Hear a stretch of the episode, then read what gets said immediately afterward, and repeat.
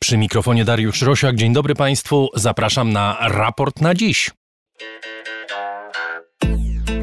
Dramatyczne wydarzenia mają miejsce na Białorusi. Prześladowania przeciwników prezydenta Łukaszenki, aresztowania kandydatów w wyborach prezydenckich i ich zwolenników, pobicia, zastraszanie ludzi. W tle zbliżające się wybory prezydenckie i być może najważniejsze pytanie w historii współczesnej Białorusi. Czy przemoc władz świadczy o jej słabości?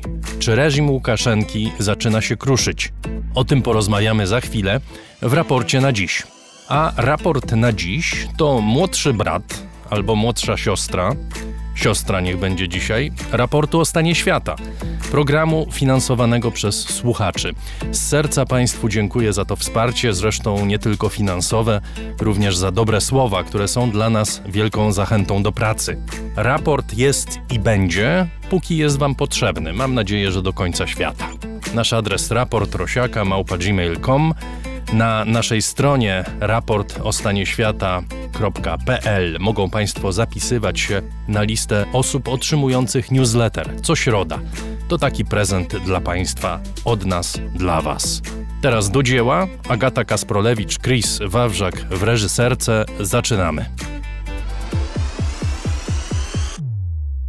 Gościem raportu na dziś jest Anna Maria Dyner z Polskiego Instytutu Spraw Międzynarodowych. Dzień dobry pani. Dzień dobry. To jest burzliwy, dramatyczny moment w historii Białorusi, tak przynajmniej wynika z doniesień i komentarzy na temat sytuacji w kraju.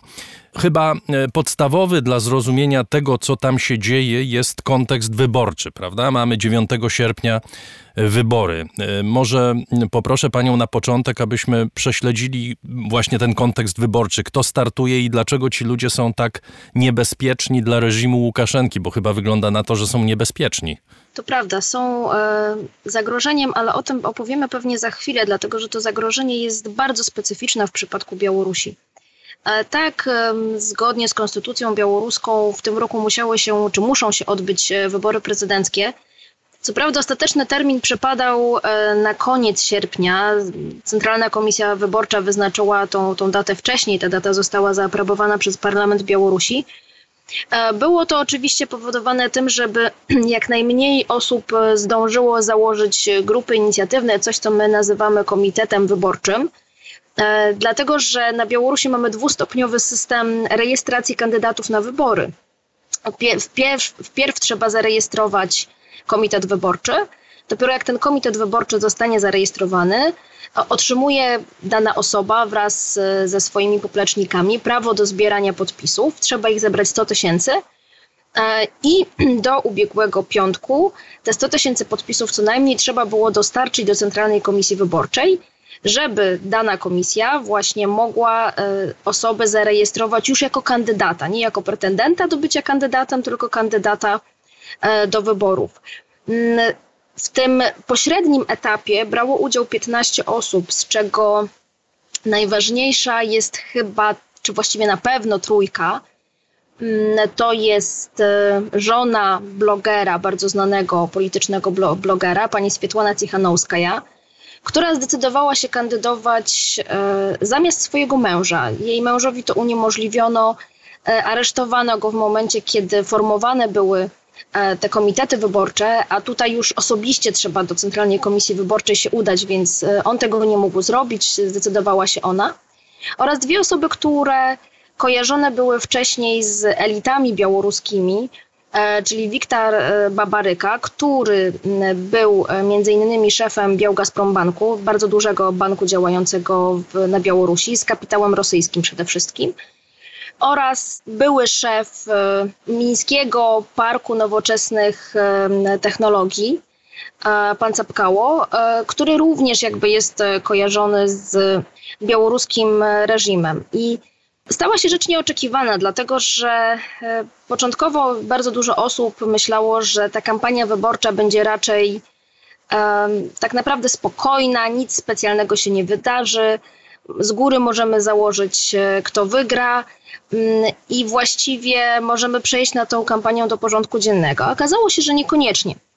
Dlatego, że e, po pierwsze, w trakcie tego zbierania tych 100 tysięcy podpisów został aresztowany pan Cichanowski, który agitował na rzecz żony. Mm, I to już wywołało dość duże oburzenie wśród zwykłych Białorusinów. Trzeba też dodać, że dość duże są nastroje społeczne z tego, co widać na Białorusi. Mm, ludzie są źli na władzę za brak reakcji w czasie pandemii koronawirusa, za to, że nie zostały wprowadzone żadne ograniczenia, za to, że przedsiębiorcy nie dostają żadnego wsparcia. E, I to wszystko razem e, połączone spowodowało, że bardzo wiele osób e, wychodziło protestować, protestować w sposób pokojowy i podpisywać listy tych alternatywnych, jeszcze wtedy pretendentów do bycia kandydatem na prezydenta Białorusi. To się oczywiście nie podobało milicji, to się nie podobało władzom. No i pojawił się kolejny problem, co z tym zrobić, i um, kilka dni temu został um, aresztowany główny kontrkandydat, właściwie osoba, która się zapowiadała na głównego kontrkandydata, czyli pan Wiktor Babaryka. Pani Anno, rozwikłajmy kilka tych wątków, bo rzeczywiście parę wątków e, pani poruszyła. Mhm. Wracając do samego początku, 100 tysięcy głosów na w kraju 9-milionowym to nie jest y, niski próg, prawda? My mamy w Polsce 100 tysięcy głosów, y, w trzy razy czy prawie cztery razy wyż, większym państwie i mm, li, bardziej liczebnym. To się udało tylko tym trzem kandydatom? Nie, to się udało siedmiorgu kandydatom w sumie, właściwie pretendentom do kandydatów. Ale tylko ta trójka zostaną... się liczy, realnie rzecz biorąc. E, de facto tak, to znaczy e, pozostałe cztery osoby, w tym między innymi była deputowana pani Anna Kanapacka, jeden z liderów e, takiego ruchu społecznego Gawari Prawdu, Mów Prawdę, oni mniej więcej złożyli około 100 tysięcy podpisów i tutaj też jest kluczowa kwestia, ile z nich zostanie z tych podpisów, zostanie odrzuconych przez Centralną Komisję Wyborczą. Natomiast e, najwięcej złożył sztab wyborczy Aleksandra Łukaszenki, ponad 2 miliony, zgodnie z tym, co mówi Centralna Komisja Wyborcza. Dobrze ponad 400 tysięcy głosów złożył Komitet Wyborczy Wiktora Babaryki, co jest bardzo dużym osiągnięciem, jeżeli chodzi o Białoruś. Mm, około 200 tysięcy sztab wyborczy Walerego Cepkały, czyli właśnie tego, tej, tego trzeciego, trzeciej postaci. Pani Switłana Cichanowska ja złożyła trochę powyżej 100 tysięcy, więc też jest pytanie, na ile jest to bezpieczny bezpieczna liczba, żeby nie zostać odrzuconym przez Centralną Komisję Wyborczą. Porozmawiajmy chwilę, jeśli można, o tych dwóch, mhm. e, tak przynajmniej się wydaje, dwóch kandydatach z nieco odmiennych obozów, ale jednak chyba przedstawiających się jako kandydaci antyłukaszenkowcy, że tak powiem, prawda? To znaczy Swietłana Cichanowska i Wiktor Babaryka.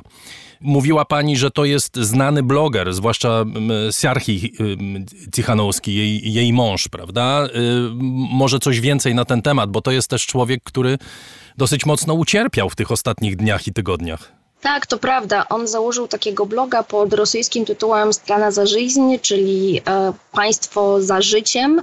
I w tym blogu po prostu opisywał codzienne problemy Białorusinów codzienne problemy Białorusinów, które również zostały spotęgowane przez e, pandemię koronawirusa. I właśnie chciał ten swój projekt polityczny zakończyć, czy właściwie rozwinąć, e, kandydując na prezydenta. Mm, oczywiście on też na początku nie zakładał, e, że w ogóle będzie miał szansę, żeby nawet kandydować, zostać kandydatem, czyli zostać, zebrać te 100 tysięcy podpisów i zostać zarejestrowanym, ale dawało mu to możliwość prowadzenia agitacji politycznej. Przynajmniej tak się wydawało te kilka, kilkanaście tygodni temu. A potem życie to dość boleśnie zweryfikowało. A Wiktor Babaryka, mówi pani, że to jest y, przedstawiciel establishmentu białoruskiego. To jest w ogóle dość ciekawa postać, dlatego że, tak jak wspomniałam, on był szefem Białgazprom Banku, jednego z największych banków e, działających na Białorusi, z kapitałem rosyjskim, związanym z dużym koncernem Gazpromem, którego właściwie nikomu nie trzeba przedstawiać. Mm, I to jest e, człowiek, który twierdził w licznych wywiadach, że jego do polityki pchnęła e, sytuacja związana ze stosunkami rosyjsko-białoruskimi i ze słynnym projektem pogłębionej integracji, o którym dość dużo było mowy w ubiegłym roku. Rosjanie zaproponowali 31 takich e, platform integracyjnych. Kilka z nich było jak najbardziej do zaakceptowania przez Białoruś, bo właściwie one tylko jakby dawały stempel temu, co już e, się dzieje pomiędzy tymi dwoma państwami, a trzeba przypomnieć, że oba tworzą państwo związkowe. Natomiast kilka z nich było dość niebezpiecznych e, dla Białorusi. Dotyczyło to m.in. przyjmowania wspólnego kodeksu podatkowego, bo za tym na przykład powinna iść, e, powinno iść również przyjęcie wspólnego systemu sądownictwa itd. Tak itd. Tak I Babareka twierdzi, że on od samego początku uważał, że jest to bardzo niebezpieczne dla Białorusi, że on jest białoruskim patriotą, który chce znaleźć, czy spróbować przynajmniej, znaleźć trzecią drogę dla Białorusi, to znaczy i współpracować z państwami zachodnimi, z państwami Unii Europejskiej, Stanami Zjednoczonymi i współpracować e, z Rosją. I trzeba też dodać, że Babareka jako taki był bardzo wyważony w tych e, swoich wypowiedziach. On nie krytykował Aleksandra Łukaszenki no i miał bardzo ciekawą i wydawało się dość sensowną wizję tego, co chciałby na Białorusi zrobić. I to moim zdaniem też mogło zachęcić e, Białorusinów do głosowania, czy choćby do poparcia jego, jego osoby, dlatego że to trochę się różniło od poprzednich kampanii, kiedy w większości przypadków kandydaci, którzy startowali przeciwko Aleksandrowi Łukaszence, bardzo głośno mówili o tym, że należy Łukaszenkę obalić, ale już dużo mniej mówili o tym, co dalej, co zrobić dalej ze stosunkami z Rosją, co zrobić dalej z ewentualną integracją z państwami zachodnimi, czy w ogóle pójść w tym kierunku, jak sobie wyobrażają tą przyszłość Białorusi. E, mamy w tej chwili dramatyczne prześladowania opozycji. Proszę opowiedzieć, jak to wygląda w praktyce, bo te doniesienia są niezwykle y, zatrważające. My jesteśmy przyzwyczajeni do brutalności policji y, białoruskiej czy milicji białoruskiej, ale tu widzimy chyba jednak dosyć wyraźne wzmożenie. Po pierwsze, jak to wygląda, a po drugie, dlaczego akurat przed tymi wyborami mm, milicja jest tak brutalna? To jest w ogóle odpowiedź, która wskaże, że władze białoruskie same wpadły w pułapkę, na, którą sobie zastawiły i że właściwie mamy trochę do czynienia z, pewnym, z pewną tragedią antyczną, gdzie właściwie nie ma dobrych rozwiązań. Ale wracając, faktycznie o ile większość tych mitingów, które odbywało się w trakcie zbierania podpisów, odbywała się w miarę spokojnie, chociaż były zatrzymania działaczy opozycyjnych. Mm, o tyle w ostatnim czasie milicja się dość mocno zaktywizowała. E, choćby wczoraj miało miejsce, mm, właściwie można powiedzieć, napaść na osoby, które stały pod sklepem związanym z białoruską symboliką. Mm, właściwie z nienacka pojawił się, e, pojawił się duży policyjny, czy właściwie milicyjny samochód i ludzie, część, która nie zdążyła uciec, e, została e, zatrzymana.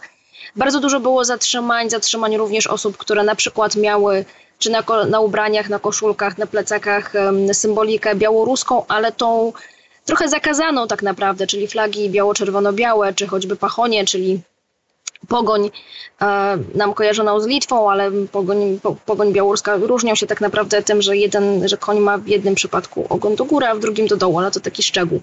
W każdym, e, w każdym razie e, tego było bardzo dużo. Jak już wspomnieliśmy, Zjarchij Cichanowski jest ciągle w areszcie, który jest mu przedłużany za idiotyczne sytuacje pod tytułem niewytarta pajęczyna na suficie. Więc za to też można przedłużyć karę administracyjną na Białorusi. Z drugiej strony został aresztowany wraz z synem Wiktora Babaryka, któremu zarzuca się defraudację dość dużych środków finansowych. I tak na dobrą sprawę ta sytuacja już jest w ogóle przedziwna, dlatego że po pierwsze, mm, jeżeli nawet by się dopuścił tego rodzaju defraudacji, to nie na szkodę e, państwa białoruskiego, a na szkodę e, prywatnego podmiotu gospodarczego Federacji Rosyjskiej. To, przede, to, to jest pierwsza rzecz. I druga rzecz, że jest taki dziwny zbieg okoliczności, w cudzysłowie oczywiście, związany z tym, że wcześniej te oskarżenia się nie pojawiały, a teraz nagle w trakcie kampanii wyborczej, kiedy tak naprawdę Babaryka stał się realnym konkurentem dla Łukaszenki, mm, te oskarżenia się pojawiły. E, I tak na dobrą sprawę Białorusinów to wszystko bardzo mocno irytuje. To znaczy, mm, oni nie mają za specjalnie możliwości choćby wykrzyczenia swojej złości, choćby spokojnego protestowania, bo cały czas y, żyją w państwie, gdzie każdy jeden protest może się skończyć tragicznie dla nich i dla, dla, dla uczestników. Mieliśmy też y, w trakcie tej kampanii areszty innych działaczy opozycyjnych, którzy nie startowali, ale również byli zaangażowani w tą kampanię. Także wszystko to pokazuje, że władza trochę się boi. Tylko cały problem polega na tym, że jest, są dwie rzeczy, których, których władza się boi. Pierwsza to jest taka, że te protesty wymkną się spod kontroli, co może oznaczać bardzo duży uszczerbek, o ile nie utratę władzy ze strony um, Aleksandra Łukaszenki. A drugie to jest to, że jeżeli dojdzie do e, bardzo gwałtownego naruszenia e, praw człowieka, złamania praw człowieka, rozbicia kolejnych demonstracji, to się może skończyć z kolei sankcjami ze strony Unii Europejskiej czy Stanów Zjednoczonych. Co z kolei e, wpychałoby znowu Białoruś w objęcia Rosji, czego Białoruś chce uniknąć. Także doszliśmy do sytuacji troszkę by się wydawało absurdalnej, gdyby nie była tragiczna tak naprawdę dla, dla Białorusinów. Dobrze, mówi pani o tym, że Łukaszenka boi się, realnie rzecz biorąc, y, utraty władzy i to jest chyba jednak bardzo nowe rozpoznanie, jeśli chodzi o Białoruś. Y, może się mylę, ale z pewnością na y, zachód od granicy białoruskiej większość ludzi jest przekonana, że to jest naród potulny, który po prostu żyje w autorytarnym państwie, nie ma w zasadzie opozycji, która się liczy. Czy my mamy do czynienia w tej chwili z narodzinami ruchu obywatelskiego, który może obalić tą władzę? Czy to zagrożenie dla władzy Łukaszenki idzie z jakiegoś innego źródła? Panie redaktorze, to jest bardzo trudne pytanie. Od kilku lat nie mamy badań socjologicznych, wiarygodnych badań socjologicznych, które mogłyby nam trochę więcej powiedzieć o stanie białoruskiego społeczeństwa. E, natomiast faktycznie z tego, co widzimy, z tego, co ja słyszę też od swoich znajomych e, z Białorusi, nastroje protestacyjne są bardzo duże. Ludzie mówią, że mają serdecznie dosyć obecnej władzy. Natomiast nie jest powiedziane, za czym by protestowali, przeciwko czemu wiadomo, za czym nie jest do końca wiadomo. Tak jak wspomniałam, ponieważ nie mamy wiarygodnych badań socjologicznych, my też nie wiemy, jakie jest realne poparcie dla Aleksandra Łukaszenki. W poprzednich latach choćby w 2015 roku, czyli krótko po rewolucji godności na Ukrainie, krótko po agresji Rosji na to państwo, Łukaszenka jawił się jako taka oaza stabilizacji dla Białorusi i sądzę, że w zupełnie demokratycznych wyborach on byłby w stanie wygrać i to nawet w pierwszej turze. E, tym razem tego nie wiadomo, natomiast e, Łukaszenka faktycznie zawsze się obawiał utraty władzy, choć sądzę, że teraz e, tak naprawdę te obawy są dużo bardziej realne niż jeszcze były kilka lat temu. Z jednej strony oczywiście boi się własnego społeczeństwa i boi się jego gniewu, bo to prawda, że my myślimy, że Białorusini są to bardzo spokojni ludzie i tak faktycznie jest, ale do czasu. I to pokazało też lata 90., i myślę, że Łukaszenka też sobie doskonale zdaje sprawę z tego, że jeżeli wystarczy, jeśli pracownicy największych um, miejskich um, fabryk wyjdą na ulicę, a są to fabryki sprzętu ciężkiego, trzeba dodać, to żaden OMON i żadna milicja po prostu nie dadzą im rady. Więc to jest to, jest to czego się na pewno Aleksander Łukaszenka obawia. A z drugiej strony, Myślę, że mimo wszystko obawia się e, swojego teoretycznie sojusznika, czyli Rosji, która co prawda na razie nie wykonuje żadnych e, ruchów czy żadnych gestów, e, które mogłyby zmierzać do tego, żeby Łukaszenka obalić, bo też trzeba zdawać sobie sprawę z tego, że Łukaszenka też nie przekroczył czerwonych linii wyznaczonych przez Rosję, ale to nie znaczy, że Łukaszence pomagają. Przeciwnie, raczej widać w ostatnich e, miesiącach, że Rosjanie zachowują bardzo duży dystans wobec Białorusi. Porozmawiajmy jeszcze chwilę o tym balansowaniu Łukaszenki między Rosją a Zachodem. E, on się bronił i to chyba szczerze się bronił przeciwko planom pełnej aneksji przez Rosję. Mamy różne dowody na to. Y, z drugiej strony, pytanie y, chyba aktualne i adekwatne do sytuacji brzmi, czy to nie jest tak, że czym bardziej Łukaszenka jest naciskany przez społeczeństwo, to tym bardziej będzie się czuł zagrożony i tym szybciej ucieknie pod opiekę Putina, bo nic innego mu nie zostanie. I to jest właśnie taki wybór z tragedii antycznej. E, natomiast ja nie sądzę, że Łukaszenka nie, nie, nie, nie będzie chciał e, uciekać pod skrzydła Władimira Putina, bo wie, że nic go pod, dobrego pod tymi skrzydłami nie spotka. I to jest tak naprawdę to, o czym wspomnieliśmy przed chwilą, czyli właściwie każde rozwiązanie jest e, złe. Spacyfikowanie protestów będzie pchało Łukaszenkę w objęcia Rosji. Z kolei niespacyfikowanie protestów będzie być może odebrane przez, przez władzę i przez ten tak zwany wertykał władzy, który, który ciągle jest silny na Białorusi, jako słabość prezydenta i być może zachęci do myślenia, że trzeba tego prezydenta naprawdę wymienić. Więc e, z punktu widzenia Łukaszenki każde rozwiązanie jest złe. Ja bym dodała jeszcze jedno, na co zwracamy uwagę dość często, aczkolwiek niektórzy z przekąsem, niektórzy z uśmiechem, a ja myślę, że to jest mimo wszystko ważne, że Łukaszenka nie tylko boi się utraty władzy jako takiej, e, ale on ma wewnętrzne przekonanie, że dla niego utrata władzy będzie się równała utrata, utra, utracie życia. I patrzył na, na choćby arabską wiosnę, patrzył na to, co się działo też w Azji Centralnej i sądzę, że on przede wszystkim tymi obawami się kieruje. W drugiej kolejności oczywiście są to wszystkie profity z tego, że jest e, prezydentem ciągle jeszcze niepodległego państwa. To jeszcze słowo na koniec o Moskwie, o reakcji możliwej Moskwy. Czy to jest, czy to budzenie się ducha narodowego, czy ducha obywatelskiego na, na Białorusi e, jest oceniane w Moskwie jako zagrożenie dla Rosji? Czy, to, czy Rosję może to skłonić do działań, nie wiem, takich jak na Ukrainie e, choćby? E, oczywiście, że tak. I to jest właśnie ta, ten kolejny, kolejna pułapka, kolejny problem, który ma społeczeństwo białoruskie przed sobą. Bo ile powiedzmy, możemy sobie wyobrazić, tak, puszczając wodze wyobraźni, że dojdzie do zmiany władzy pod wpływem protestów społecznych, tylko problem polega na tym, że jeżeli stanie na czele tego państwa ktoś, kto będzie prozachodni, Rosja będzie interweniowała. To w ogóle nie ulega najmniejszej wątpliwości będzie interweniowała z powodów e, czysto wojskowych, ale też ideologicznych. Wojskowych, dlatego że militarnie Białoruś jest bardzo ważna dla Rosji. E, odsuwa linię obrony Moskwy o kilkaset kilometrów na zachód. Nam się może wydawać, że to jest takie trochę śmieszne, ale to nie jest śmieszne z punktu widzenia e, możliwo- myślenia E, w sztabie generalnym w Moskwie. To jest pierwsza rzecz. I druga rzecz to są oczywiście kwestie ideologiczne, sprawa rosyjskiego świata, myślenie o tym, że Białoruś jest jednak częścią tożsamości po byłym Związku Radzieckim, po byłym Imperium Rosyjskim. I Rosja absolutnie w cudzysłowie nie puści Białorusi spod swoich skrzydeł. Do tego wszystkiego jeszcze jest jedna ważna różnica pomiędzy Białorusią a Ukrainą to jest stopień uzależnienia Białorusi od Rosji w porównaniu do, do, do stopnia uzależnienia Ukrainy. Białoruś jest dużo bardziej zależna, gospodarczo również. Wystarczy, że Rosjanie wstrzymają dostawy surowców energetycznych i nakażą spłatę kredytów, i będzie to potężny problem dla państwa białoruskiego.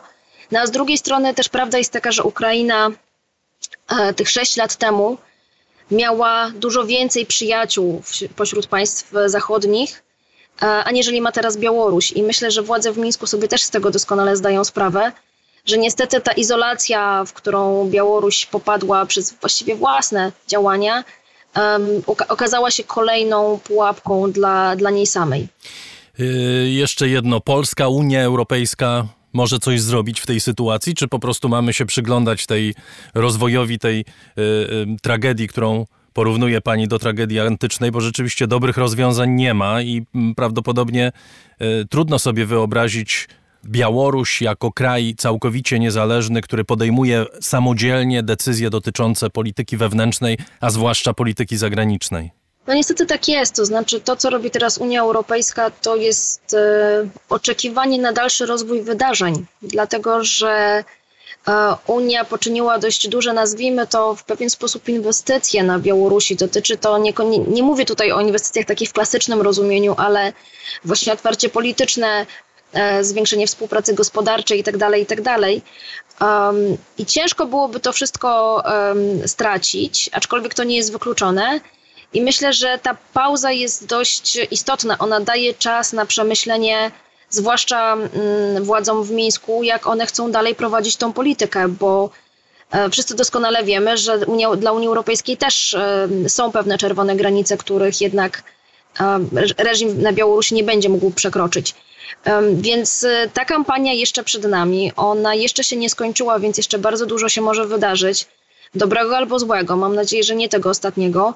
No ale choćby nawet sama sytuacja z Wiktorem Babaryką, co jest ciekawe, e, to, że on teraz przebywa w areszcie, nie znaczy, że nie będzie mógł prowadzić kampanii wyborczej, dlatego że kodeks wyborczy Białorusi tego nie zakazuje.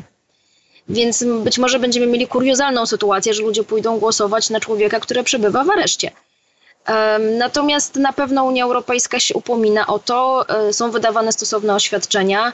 Są oświadczenia choćby ambasadorów państw unijnych rezydujących w Mińsku, są oświadczenia z DZ-u są oświadczenia szefa zespołu do spraw Białorusi w Parlamencie Europejskim e, i moim zdaniem na razie to dobrze pokazuje, jaki jest stosunek Unii Europejskiej. To znaczy, nie miotamy się od ściany do ściany, nie przechodzimy od razu do polityki sankcji, damy, dajemy czas do, do namysłu, ale też e, pokazujemy, że bardzo uważnie śledzimy e, to, co się dzieje w tym momencie w państwie nad Swisłoczą. Bardzo dziękuję. Anna Maria Dyner z Polskiego Instytutu Spraw Międzynarodowych w raporcie na dziś. Dziękuję pani bardzo. Dziękuję bardzo. Raport o stanie świata to Państwa program. Powstaje dzięki wsparciu słuchaczy. Możecie Państwo przyłączyć się do zbiórki na patronite.pl. Wszystkim patronom, darczyńcom z serca dziękuję. Raport o stanie świata wróci w sobotę. Tymczasem Agata Kasprolewicz, Chris Wawrzak, Dariusz Rosiak mówią wszystkiego dobrego i do usłyszenia.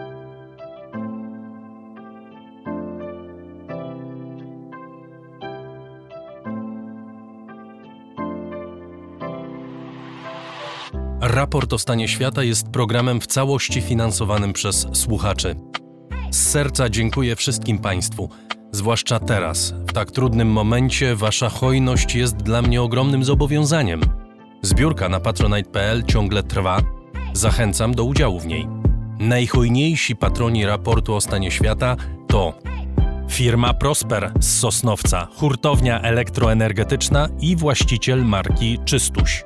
Firma Venterm, instalacje fotowoltaiczne z Dąbrowy koło Niepołomic. Krzysztof Goszkowski, Michał Małkiewicz. Firma Software Mill, od zawsze zdalni, programują dla całego świata. A także Marcin Drąg, Mariusz Drużyński, Piotr Jedliński i Patrycja Macjon z Ratujmy Trójkę. Palarnia kawy La Cafo z Augustowa. Alan Meller. Paweł Nowy Nowak. Fundacja imienia Jana Palucha. Monika i Grzegorz Wasowscy. Gonia i Robert Zduńczyk, założyciele Fundacji Ekonomicznej Polska Afryka Wschodnia. Dziękuję bardzo. To dzięki Państwu mamy raport o stanie świata.